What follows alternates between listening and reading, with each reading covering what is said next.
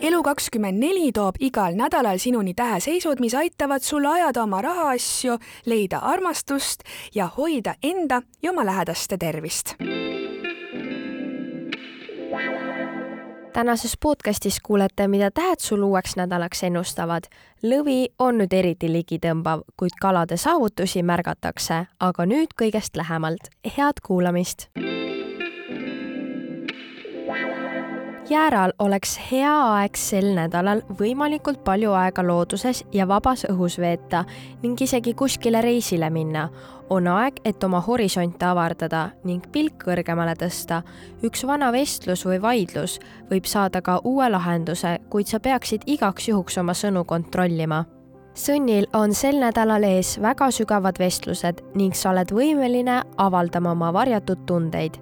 keegi sõber võib innustada sind rohkem sügavuti minema ning tõe järele kaevuma.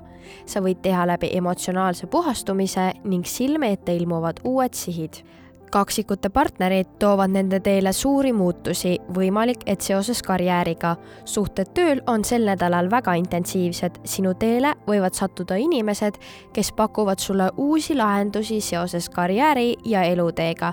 mõnel juhul võib partner muuta ka su elusuunda vähi töömeeleolu pole sel nädalal kiita paistab, et mõtted lähevad lendlema kaugele ja kõrgele, kuid argiasjadega tegelemine pole kõige paeluvam. samas mõne töökaaslasega võib leida aset päris inspireeriv vestlus lõvi mõtted ja tunded on sel nädalal naudingute ja armuelu juures. sa igatsed praegu suurt intiimsust ning sul on vaja väljendada end loovalt ja seksuaalselt. sellised võimalused võivadki nüüd tekkida, sest sinu aura on erootiline ja ligitõmbav. paistab, et keegi sõber varasemast ajast võib sinu ellu tagasi saabuda ning suhe võtab seekord hoopis romantilisema noodi Neitsil on oma partneriga ees väga mõnusad, hubased, soojad hetked kodus ootavad head päevad.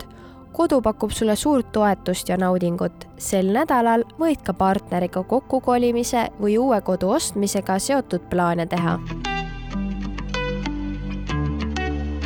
kaalude mõistus töötab sel nädalal väga hästi, kiiresti ja isegi loovalt sa naudid nii suhtlemist kui ka kirjutamist. võib saabuda tööalane võimalus, mis toob sinu mentaalse võimekuse eriti hästi esile. ka töökaaslased innustavad sind, et väljendaksid end rohkem. Skorpion naudib sel nädalal oma laste ja kallimale aja ning ressursside pühendamist. on hea aeg jõulukingitusi teha. Skorpion on nüüd kallite suhtes eriti helde ja suuremeelne ta teab, et raha tuleb ja läheb, aga kui ta saab kasutada seda oma kõige armsamate jaoks, siis see on hästi kasutatud. hambur on jätkuvalt tähelepanu keskpunktis ja särab. sel nädalal on palju suhtlemist ja toimetamist seoses koduga. võimalik, et sa avardad oma kodu või tood sinna küllust. sa võid tunda, et ühelt poolt soovid rohkem kodus mõnuleda, aga teiselt poolt nähtaval olla. siin tuleks leida tasakaal kaljukits väljendab sel nädalal soravalt ideid, mis tulevad sügavalt alateadvusest. see võib olla hästi loominguline aeg. samas on ka lihtsam väljendada mõtteid, mida tavaliselt on raske sõnadesse panna. intuitiivne pool juhib sinu teed sel nädalal. veevalajad võivad kulutada sel nädalal tavapärasest rohkem raha sõpradele, oma hobidele ja huvide peale tasub olla ettevaatlik, et taskuid päris tühjaks ei laseks. samas on veevalaja teiste suhtes nüüd väga helde ja idealistlik.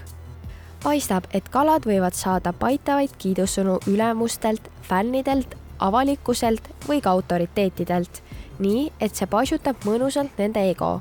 Nad ka väljendavad end oma töös nüüd päris julgelt ja enesekindlalt. kõik on suurepärane, kuni kalad end liialt uhkeks ei aja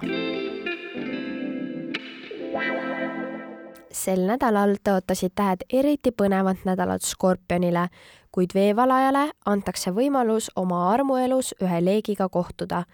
ära jää ilma iganädalasest Elu24 horoskoobist. pane like ja follow meie sotsiaalmeediakanalitele ja telli digitellimus juba täna järgmine kord vaatame lähemale, mida toob detsembri keskpaik tähemärkidele. sa kuulasid Elu24 horoskoobi podcasti, suur aitäh sulle ja kohtumiseni nädala pärast.